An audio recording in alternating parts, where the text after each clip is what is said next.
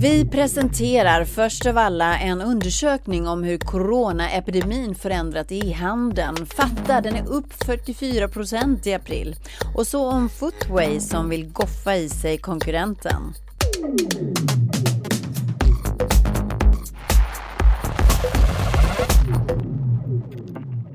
Hej, Katarina Andersson heter jag. Det här är Breakits podcast. Faktiskt säsongavslutningen just idag, för vår podcast har en sommarbreak och är tillbaka efter sommaren. Men framför oss just nu så har vi 20 minuter ungefär, tajta minuter som kommer att göra dig lite smartare. Det handlar om nyheter i e-handelsbranschen och såklart ska du styla med allt du lär dig här i ditt nästa Zoom-möte. Men först så kommer telegrammen.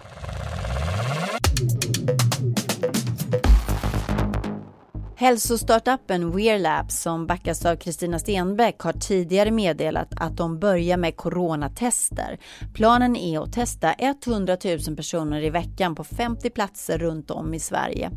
I veckan står det också klart att nätapoteket Apotea är med på tåget och börjar sälja tester i samarbete med Wearlabs med start nästa vecka.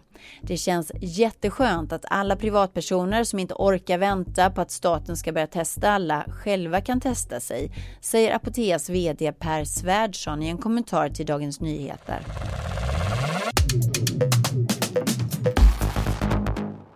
När coronakrisen härjade som värst stängde klädjätten H&M runt 4 000 butiker världen över.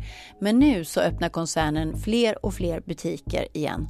Och i veckan kunde Breakit avslöja ytterligare tecken på att verksamheten i H&M är tillbaka i något som kan beskrivas som normalläge. H&M kommer nämligen att kalla tillbaka de 2 500 personer på bolagets huvudkontor som varit permitterade under våren.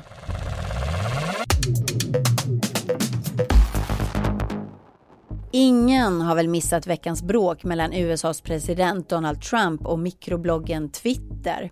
Bråket handlar om att Trump har blivit rasande över att Twitter har kommenterat hans inlägg om fusk relaterat till poströstning. Twitter la till en länk i presidenttweeten som tar läsaren till artiklar som visar att Trumps påståenden inte stämmer. Den här typen av faktagranskning är något som Twitter kör med så det är inget underligt egentligen. Men Trumps raseri har nu lett till en exekutiv order som ska straffa sociala medier. Andra Twitteranvändare har ju inte det maktmedlet. Hur som helst, det är intressant eller skrämmande, hur man nu ser det, att en sittande president slår tillbaka på det här sättet mot en plattform som har gett honom enormt inflytande.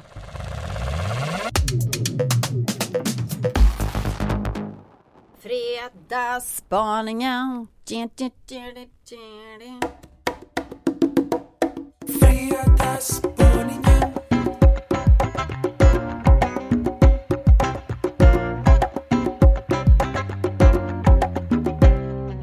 Vi på Breakit har kommit över en helt färsk och spännande undersökning om nya shoppingmönster i coronatider. Hallå Caroline Englund, Breakits egen e-handelsexpert. Hallå! Du, vad är det här för studie som du har lagt vantarna på? Ja, men Postnord uh, gör ju ganska ofta sådana här e-handelsrapporter i samarbete med HUI Research och Svensk Digital Handel som kartlägger våra shoppingvanor på nätet. Men mm. nu har de eh, bestämt sig för att göra lite specialrapporter eftersom eh, det händer ju väldigt nu, mycket nu eh, inom e-handeln på grund av Corona. Så nu ska de faktiskt släppa en sån här rapport varje månad. Och eh, nu har vi fått den här lite på förhand då, den som släpps eh, idag. Mm. Eh, som handlar om hur vi handlade i april. Det är Arne Andersson, våran eh, ständige Arne Andersson på Postnord som eh, ringde upp dig om det här, eller hur?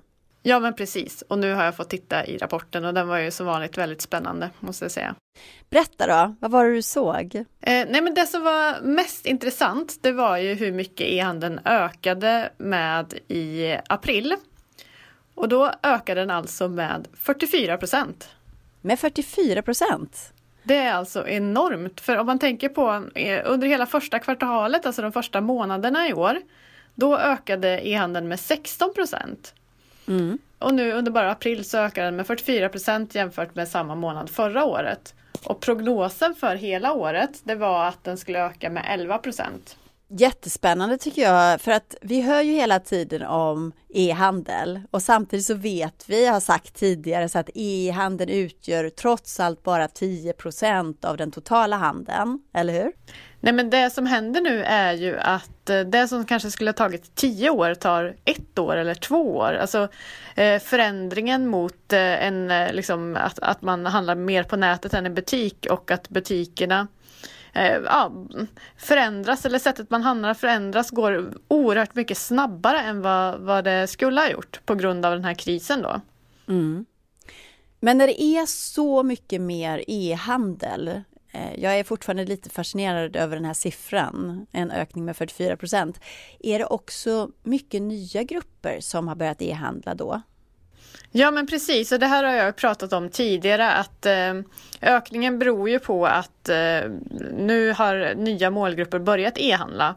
Bland annat då. Och en sak som illustrerar det här ganska mycket är att jag såg en rubrik eh, hos våra kollegor ehandel.se som var så här Gubbarna stormar kronans e-handel.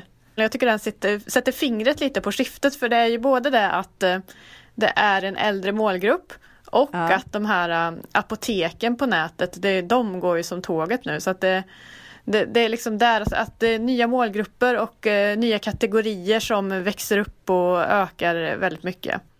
Men apoteket, att de får bra handel i en pandemitid, det kan man förstå. Och sen behöver man också äta. Är mat en annan Sån... Ja, mat är ju också, för, för, det kan man ju säga om maten har vi pratat om tidigare att det är så att eh, den står ju bara för 2 till 3 procent av all handel, annars handlar man i, i butik. Mm. Eh, men här ser man ju att fler och fler börjar upptäcka eh, att man kan handla maten på nätet. Och i USA, då var det nämligen så att ehm, där var det precis som i Sverige att det var ungefär 2 till 3 procent av eh, mathandeln som man gjorde på nätet. Men nu under pandemin så har det ökat till 10 procent i USA. Mm. De har ju haft lite mer lockdown än vad vi har haft eh, så man kan inte jämföra det rakt av men det är ändå intressant att det har gått från 2 till 3 till 10 procent på så här kort tid. Och det måste vara en otroligt intressant tid för just dig Karo som ändå har eh, alltid rapporterat väldigt mycket om e-handel. Och du har pratat om det många gånger i podden. Och så händer det så här stora förändringar på väldigt kort tid. Och jag vet att du har pratat mycket om, jag ska gräva i minnet här, om att e-handlare generellt har ganska låga marginaler eller väldigt låga, att man då riskerar att inte överleva på grund av de här låga marginalerna. Du har till och med pratat om e-handelsstöd. Så vad säger du nu? Är det ett helt annat tonläge för dig som e-handelsexpert nu?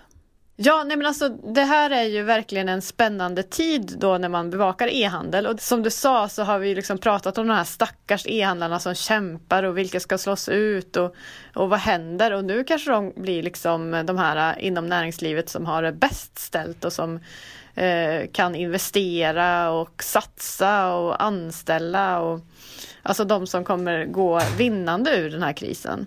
Mm. Eh, men däremot så eh, tror jag fortfarande att det kommer ske en konsolidering, alltså att e-handlare kommer att sluka varandra. För de som redan hade eh, god ekonomi innan krisen, de har ett rejält försprång just nu och kan shoppa loss. Och det ska Stefan prata om lite här senare, om hur Footway som är en stor e-handlare har liksom börjat eh, ja, köpa upp andra e-handlare nu och det här tror jag att vi kan se mer av faktiskt ja, både under och efter krisen. Okej, okay, men vem är det som tar vem då? Vi ska prata om Footway senare, men har du några andra bra bets på det här? Ja, nu ska jag spekulera här. Det här är ju liksom eh, helt mina egna spekulationer, men det är alltid roligt att göra det, eller hur?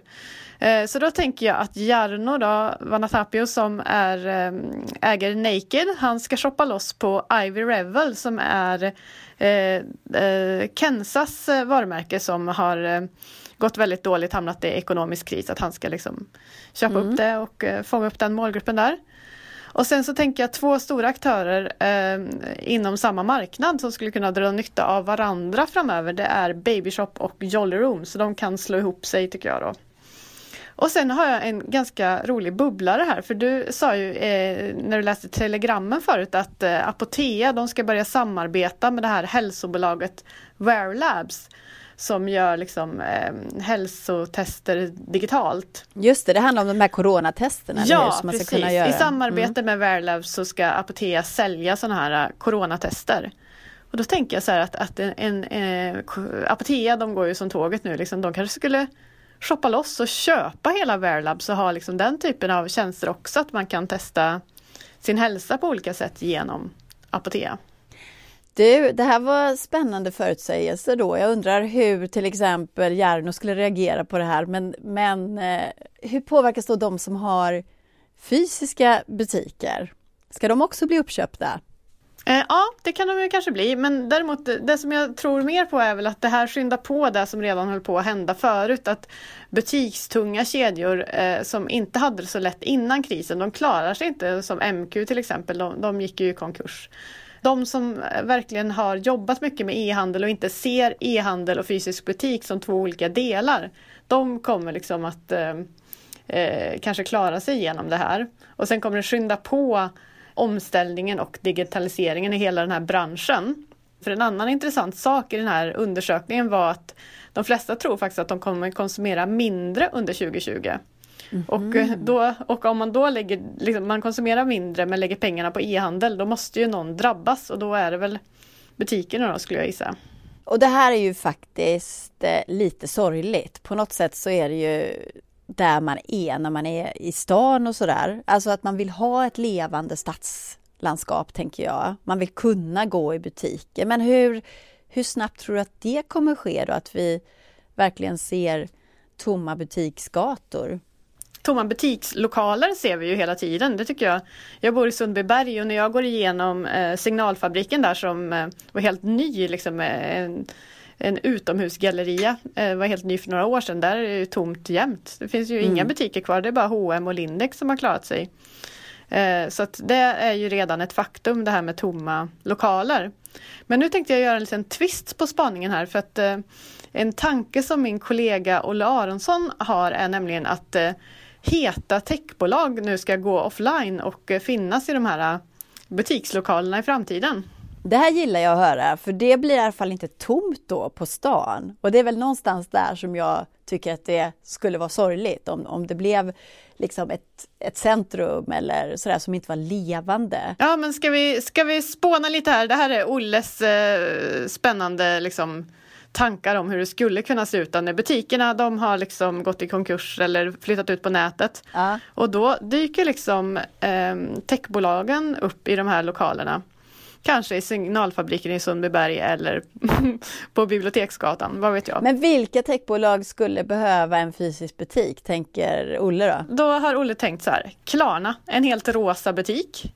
Ah. Och så sitter de där liksom, de, de lanserar då bolån i framtiden tänker han och så sitter de där liksom och säljer bolån och, och, eh, och, och eh, ja, på, på sitt smota sätt liksom i en mm. rosa butik. Några andra då? Bolaget Hygglo där man kan hyra liksom lite dyrare verktyg, borrmaskin, jordfräs och, och sådär. Istället för att göra det på nätet så kanske man kilar ner till en butik och, och hyr en borrmaskin. Liksom. Ja men det är klockrent. Precis och sen har vi eh, det här bolaget som jag pratade om förut, Wear Labs. Och då tänker liksom Olle då att det ska ligga på en lyxig paratgata, kanske Biblioteksgatan och eh, det ska vara liksom eh, vägg i vägg med lite dyrare klädmärke som har överlevt här och så går man in eh, när man har shoppat lite och eh, tar ett eh, litet blodprov för att kolla sin hälsa och kanske springer lite på ett löpband, eh, pulsklocka, kollar liksom konditionen och så går man vidare. Aha, så det är som ett hälsocenter då? Alltså lite ja. shopping, lite blodprov. Ja, det kanske skulle funka. Har du ytterligare något exempel? Det här tyckte jag var roligt. Det här, nu, nu är det sista, ja precis. Eh, då, då var det Readly. Eh, att eh, liksom, det är som ett café då som är fullt av läsplattor som man får låna. I utbyte mot att man registrerar ett gratiskonto. Mm. Och det här handlar ju då liksom om att man ska etablera en vana. Och så sitter man där och bläddrar i tidningsmagasin. Och liksom. Men det roliga är att du och Olla har diskuterat detta och då undrar jag varför tror ni ändå att det här med eh, fysiska butiker då kommer att finnas kvar överhuvudtaget? Mm, men då kan jag säga så här att det är lite en myt liksom, att e-handeln ska slå ut de fysiska butikerna helt. För att eh, som vi har sett de senaste åren så är ju faktiskt trenden att e-handlarna startar egna fysiska butiker. Eh, till exempel Naked, eh, de har ju startat fysiska butiker, Daniel Wellington satsar mycket på det. Eh, och det finns många exempel, Ideal of Sweden till exempel, eh, som har liksom startat på nätet men som rullar ut butiker och det beror på att man behöver både och. Men däremot liksom, har man bara kört på fysiska butiker eller har väldigt många fysiska butiker, då är det svårare. Men har man liksom de här eh, jag, jag, tror att man kommer att behöva både och men man måste ha dem integrerade i varann på ett mycket bättre sätt och det tror jag e-handlarna har en fördel eh, kring eftersom de eh, har börjat tänka digitalt direkt och mm. inte eh, lägger till det i sin affärsmodell. Och varför då fysiska butiker? Är det för att vi har ett behov av att klämma och känna, prova eh, direkt eller vad handlar det om? Är det ja, dels det, men det kan här? också vara liksom som någon marknadsföringsplats, att man, att man liksom ser så här, oj, för Indiska berättade faktiskt eh, vdn där, Karin Lindahl, när hon var med i vår livesändning 24 Live, då sa hon att när de hade lagt ner sina butiker i Norge eller på något ställe i Norge, då hade också e-handeln minskat där, så ser man ingen butik så kanske man bara glömmer bort att de finns. Ja, men spännande. Jag ser fram emot den här nya stadsbilden så småningom, Karo. Det här eh, med rosa Klarna-butik kan man ju se framför sig i alla fall. Precis. Ja, vi får se om man har rätt eller hur det blir, men det blir spännande i alla fall. Tusen tack för den här utmärkta spaningen. Tack så mycket.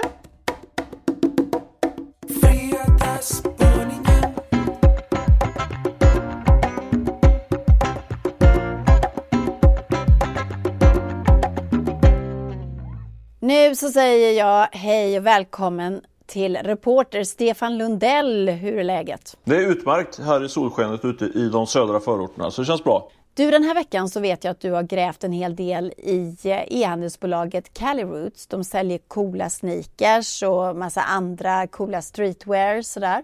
Och det här bolaget sattes ju i rekonstruktion för någon månad sedan. Men nu så händer det grejer där. Vad är det som händer? Ja, eh, rekonstruktören, eh, den eh, advokaten då som håller koll på den här rekonstruktionen. Han flaggade ju redan för ett par veckor sedan att man var på jakt efter nya ägare. Och Eh, det tycker jag alltid är kul när det är nya ägare och nya mm, konstellationer som är på gång, nya affärer. Så det, tyckte jag att det där ska jag gräva vidare lite grann Så jag har lagt någon dag på det där. Och eh, kom fram till en del faktiskt. Det visar sig så att, eh, att Footway, det börsnoterade e-handelsbolaget, de är sugna på att köpa Calroad. Så även Zalando och Boost som är noterade stora e-handlare, de har också varit med i, är också fortfarande med halvt om halvt i den här striden. Jaha, så det är värsta huggsexan här nu om? Eller? Ja, så kan man säga. Eh, eller så här, det var, det var de här tre var väl de som låg bäst till. Jag tror också det finns ytterligare något riskkapitalbolag som, som hugger på det här. Men, eh, men det som jag kom fram till var att Footway eh, hade väl gått upp i någon form av ledning här då, budledning. Och eh, nu faktiskt, eh, 12 minuter efter att vi publicerade artikeln på, på vår sajt så, så gick faktiskt Footway ut och bekräftade att de, de låg i förhandlingar med Kellerud. Så man får väl säga att eh, det är väl fördel Footway då i kampen om Kelleruds eh, ser ut så mm. just nu. Men varför går du igång på det här Stefan? Det här med att eh, det blir en ny ägare. Vad är det som är så spännande med det? Jag är sjuk i huvudet, vet du väl? Nej, men eh, det var dålig respons på det skämtet. Men eh, det verkar som du verkligen Jo, men jag, jag fnittrade lite ja, mjukt här. Ja, Nej, ja. men jag tycker att det är väldigt, jag är ju gammal sportreporter och tycker det är väldigt kul med när det blir liksom så här dandy, saker som verkligen, eh, det blir avslutning på saker och ting. Ett företag bjuds ut och det köps och det blir en, en summa pengar som ska skifta ägare och någon tjänar pengar eller någon förlorar pengar. Och så. Men sen är det också kul, intressant på ett lite högre plan just att det, det här är ju en del i i kan man säga, strukturomvandlingen i hela e-handelsindustrin och kanske också i förlängningen svenska eh, näringslivet mer i stort. Så Jag är ändå lite nyfiken på det här. Det är coronatider. Många är kanske försiktigare, tänker man. Skulle man kunna tänka sig. Ehm, det går inte så bra för många bolag, många varsel, konkurser och så vidare. Och här är man ändå då intresserad av att köpa Cali Vad beror det på? Nej, men det är för att jag tycker att, eller jag tycker, det, det, är för att det är så verkligen och det är något som jag har tänkt på, blivit lite varse faktiskt när jag tittar på det här lite närmare. Alltså, så är det det är hela fonden för den svenska ekonomin är ju, är ju dödstrist liksom, eller nästan deprimerande eh, om man ser på potentiell massarbetslöshet och sådär. Men det finns ju också vinnare och eh, ett vinnarsegment och det har man ju skrivit om eh, här och där om, om att e-handeln är vinnare. Men för mig blir det ett lite ögonöppnare faktiskt att titta på Caloot. Så att där växer det verkligen så det knakar. Vi pratar ju om liksom fördubblade omsättningar i, i, i många av bolagen. Eh, så den här strukturomvandlingen då som man har sett i, i, eh, i svensk industri från offline till online, alltså till, från den digitaliseringen. Den är ju liksom på, satt på, på kan man säga, snabbspolning nu. Den eh, strukturomvandlingen som kanske har skett på 3, 4, 5 år, den sker nu liksom, ja, kanske på ett halvår eller ett år. Och de stora vinnarna det är ju typ, typ Caloot-bolag faktiskt. Alltså de som är bra positionerade på marknaden i, i, för, för sin e-handel och kan ta jättestora marknadsandelar utav den traditionella handeln. Mm. Om man kommer in i en uh, större struktur som till exempel Footway eller, eller Zalando som ett jätteföretag. Då, uh, då, kan man uh, göra massa kostnadsbesparingar och det uppstår sådana här synergier som man brukar prata om på finanssvenska. som gör att, att man kan dra ner kostnaderna snabbt och få upp lönsamheten. Så då är ju Caloot ett, eh, ett lönsamt och livskraftigt bolag. Du pratar om de här synergieffekterna också, att det är enklare att räkna hem dem just inom e-handel. Varför är det enklare här än i traditionell industri? För det första ska man ju vara väldigt skeptisk till det här med synergier. Det, är liksom, eh, det finns ju en lång historia av, eh, av, i näringslivet att eh, pompösa företagsledare älskar att köpa upp varandra. Eh, köpa upp varandras företag för att växa, bli jättestora. Eh, liksom i mm. Percy Barnevik-style eh, och sådär. Så, och då pratas det ofta om de stora synergierna som ska uppnås. Så man ska ju vara liksom en sund skeptisk mot, mot allt, allt vad synergier handlar om, eller när man snackar om synergier. Men med det sagt då så är ju e-handeln, eh, skulle jag säga, nästan perfekt positionerad för att, få, för att kunna få ut den här typen av synergier. För e-handeln skalar så otroligt bra. Så det, det, spel, det är väldigt förenklat kan man säga att det liksom, eh, när det väl har kommit upp till en viss nivå så, så kost, tillkommer inte så mycket nya kostnader. Liksom. Eh, du har liksom ett skal som du, du kommer in på, som Kellerot, du kommer in på Kellerots hemsida och sen kan du ha liksom Footways eh, teknik i, i backhand eller bakom bakom huven. Mm. Det är det ena. Men sen, sen är det också, eh, finns, jag har tittat närmare just på, på det här caset då, vad, vad det är för typ av eh, besparingar man kan göra. Eh, och Caloros har ju liksom inget eh, robotlager, alltså eh, automatiserat lager. Det ska man kunna få med hjälp av Footway då till exempel. Där sparar du kanske 3-4% på kostnaderna. Distributionen, du köper upp, får mycket större muskler mot Postnord och Company och kan få ner priserna. Kanske 3% till där. Och sen har du då, som jag sa från början, då, teknik och, och även marknadsföring och hela det overhead med, med VD och, och, och sekreterare och allt vad det är för något. Sekreterare, men alltså marknadschef och hela det här, ja, det som kallas för liksom ledningsgrupp och sånt då. Eh, där kan du också skära ner. Så jag tror att man kanske kan spara in sådär 10% ungefär på kostnaderna. Eh, och det, har, det är typ 30 miljoner, i, eller kanske 40 miljoner i Caloros eh, fall och då är det ju lönsamt helt plötsligt. Så det är kanske en lång utvikning men alltså synergier i e-handeln de är ganska förhållandevis lätt uppnådda kan man säga jämfört med många andra segment i näringslivet.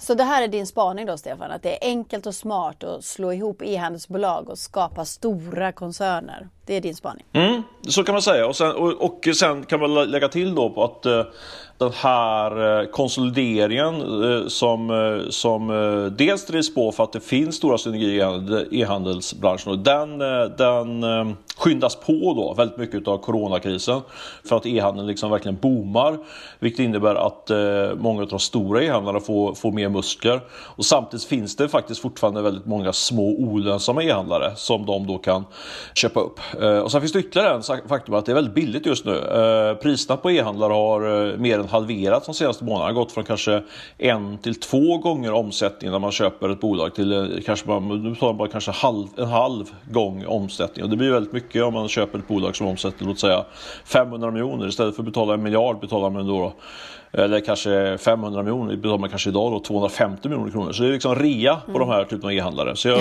så jag skulle säga att det blir en uppköpsvåg då utav mindre e-handlare. Det är väl också en spaning. Det var en ganska så här, spretig spaning här för det händer så mycket i det här segmentet så jag blir så exalterad och kastar ur mig olika, olika saker. Men eh, helhetsmässigt kan man säga att det blir mycket affärer eh, och mycket att skriva för mig på breaket. Så det är kul. Tack för att du var med Stefan. Tack så mycket. Det här är ju sista podden ja. för eh, den här säsongen. Men efter sommaren så kan vi väl ses i köttet, Stefan, någonstans på Breakits eh, redaktion, om du vågar dig dit. Det får vi, jag har inte bestämt mig men det kommer jag nog göra. Det kommer jag nog göra. Det blir ja. jättekul. Ja, ha en skön sommar. Tack, tack. Hej, hej.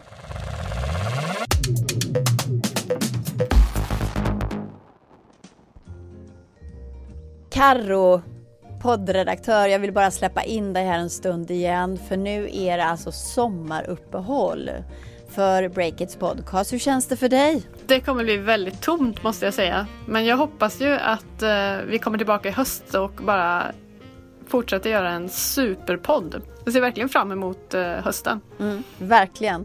Och då hoppas vi att eh, vi är tillbaka in i studion och står där och trängs, eller hur? Ja, det vore så skönt att få se er på riktigt. Ja, en trevlig sommar till dig också. Alltså Caroline Englund som är poddredaktör för Breakits podcast. Olle Aronsson är ansvarig utgivare och själv så heter jag Katarina Andersson.